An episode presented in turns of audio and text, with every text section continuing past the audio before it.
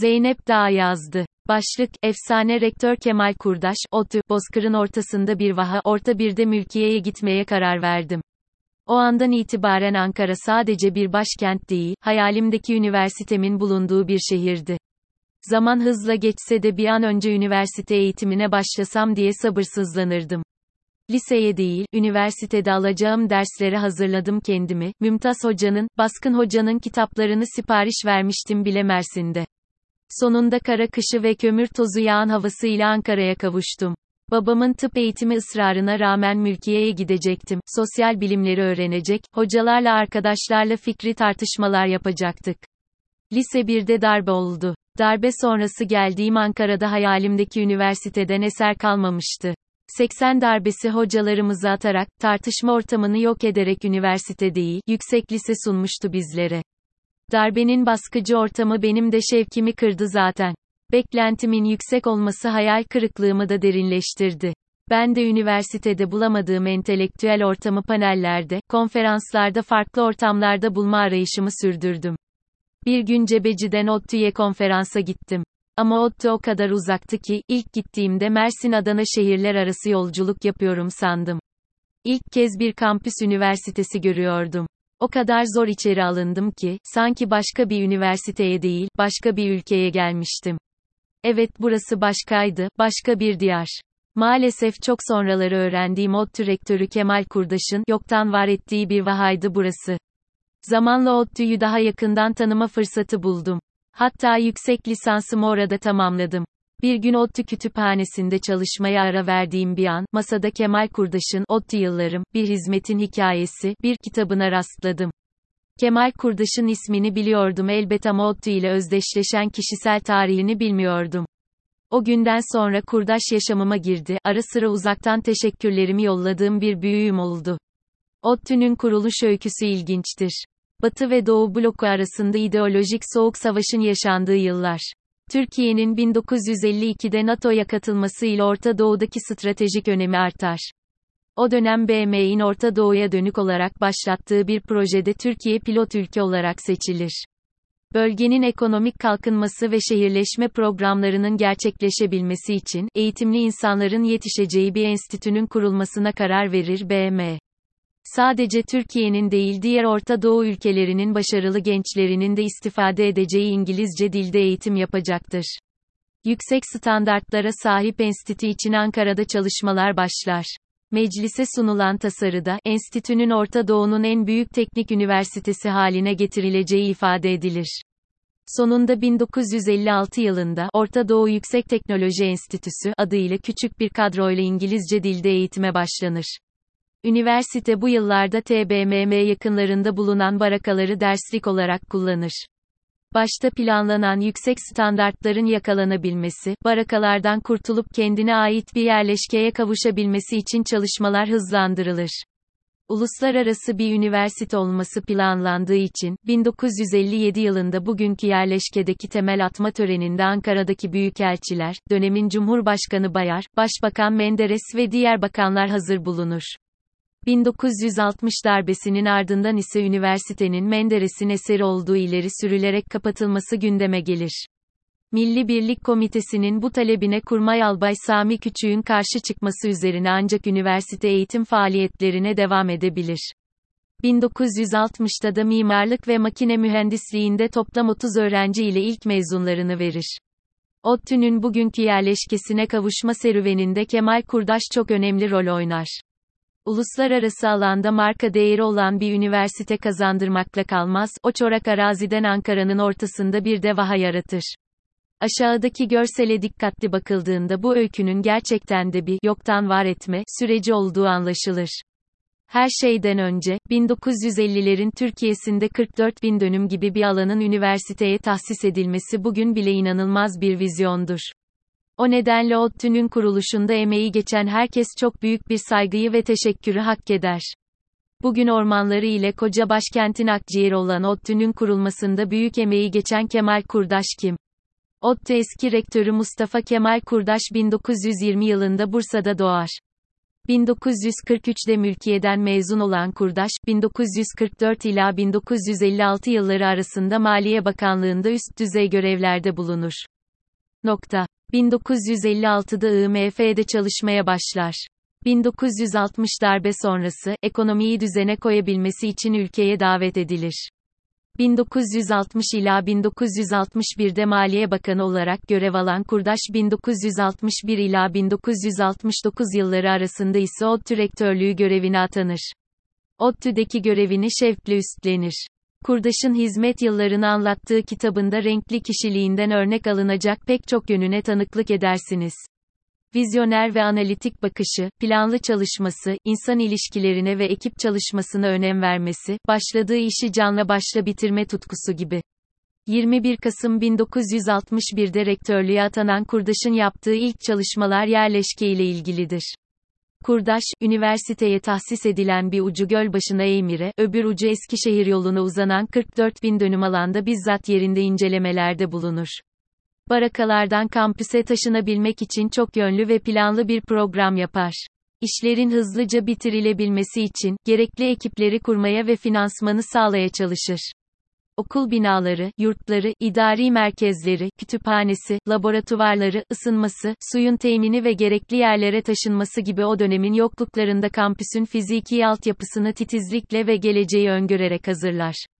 İngilizce dilinde eğitim veren üniversitenin hazırlık sınıflarını o dönemin en üst teknik teçhizatlarıyla donatır. ODTÜ'nün uluslararası alanda bir marka üniversite olabilmesinin akademik altyapısını dönemin önde gelen yerli yabancı akademisyenleriyle istişare ederek planlamayı ihmal etmez. Hatta üstün zekalı çocukların sınavla girebileceği ilk fen lisesini ODTÜ kampüsünde kurarak, orta eğitimden iyi yetişmiş gençlerin ODTÜ'ye gelmesini de teşvik eder. Kurdaş'ın o çorak bozkırı nasıl bir program çerçevesinde ağaçlandırdığı kitabında anlattığı en heyecanlı bölümdür. O nedenle bu yazı akademik alandaki çalışmalara değil, Ankara'nın akciğerleri olan Ot Ormanı'nın yaratılmasında Kurdaş'ın insanların gözlerini yaşartan emeğine odaklıdır. Kurdaş işe başladıktan 12 gün sonra 3 Aralık 1961'de öğrencilerinde katılımıyla ilk ağaç dikme törenini düzenler.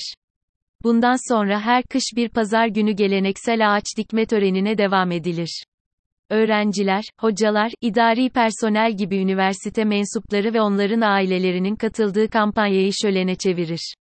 Ağaçlandırma sevdası kısa bir süre sonra Ankara'da yaşayan diğer insanları da içine alarak halka halka genişler. Sade vatandaşlar, ilkokul, orta öğrenim öğrencileri, milletvekilleri, başbakanlar, elçiler ağaç bayramlarına katılarak ya da özel ziyaretler düzenleyerek kampüste yeni bir ormanın gelişimine katkıda bulunurlar. Kışın ağaç dikilebilmesi, bahar ve yaz aylarında arazinin teraslanmasına, çukurların açılmasına bağlıdır. Bu zor işte ortaklaşa bir çabayla başarılır. Örneğin Ankara Muharebe Okulu'ndan hatta Çorum'dan komutanlar askerleriyle her yaz kampüste kamp kurarak teraslama çalışmalarına katılırlar. Kurdaş o nedenle Otto Ormanı'nın üniversite mensupları kadar, Ankara'da yaşayan her kesimin ortak bir eseri olduğunu gururla ifade eder. Hemen hemen her pazar yurtlara gidip, öğrencileri uyandırarak onlarla fidan dikmeye koşan rektör öğrenciler arasında efsaneleşir. Başlarda homurdanan öğrenciler bir süre sonra ağaçlandırma işine alışırlar, hatta kurdaşın gelemediği pazarlarda onun yolunu gözlerler. Kurdaş'ın yıllar sonra öğrencileriyle karşılaşmalarında, gururla anlatılan ilk anıların ortaklaşa dikilen fidanlar olması şaşırtıcı değildir. Ortak bir emekle ot tüyü ağaçlandırma düşleri adım adım gerçeğe dönüşür. Sadece fidanlar değil, öğrencilerin de doğa bilinci kökleşir. Kurdaş, rektörlük yaptığı 8 yıl boyunca resmi arabasının bagajında lastik çizmeleri, kazma ve kürekleriyle her an her koşulda ağaç dikmeye, araziye çıkmaya hazırdır. Kışın çamurda bazı öğrencilerin ağaç dikmekten kaytarmak için, efendim benim çizmem yok ki, mazeretlerine karşılık bagajda birden çok çizme hazır bekletilir hep. Otto Ormanı sadece bir ortaklığın değil, devam ede gelen ortak bir tutkunun eseri olarak serpilir. 1957 ila 1961 yılları arasında kampüsün Eymir Gölü ve Konya yolu kenarlarında yoğunlaşan 50 bin ağaç dikilir. 44 bin dönüm arazide bu ağaçlandırma bir piknik alanı düzenlemesi gibi kalır. Kurdaş göreve gelince, ormanlaştırma hayalini matematikle birleştirerek gerçeğe dönüştürür. Onun hesabına göre, önceki dönemdeki gibi her yıl 10 bin ağaç dikilirse, 10 milyon bölü 10 bin eşittir bin, kampüsün orman kimliğini kazanabilmesi bin yıl, 50 bin ağaç dikilirse 200 yıl gibi bir zaman alacaktır. O nedenle 10 yıllık bir sürede 12 milyon ağaca ulaşabilmek için yıllık 1,5 milyon ağaç dikme onun artık ana hedefi olur. Burada temel sorun yılda 1,5 milyon fidanı bulmaktır. Devletin fidan üretme kapasitesi çok sınırlı, özel sektörün böyle bir girişimi yoktur.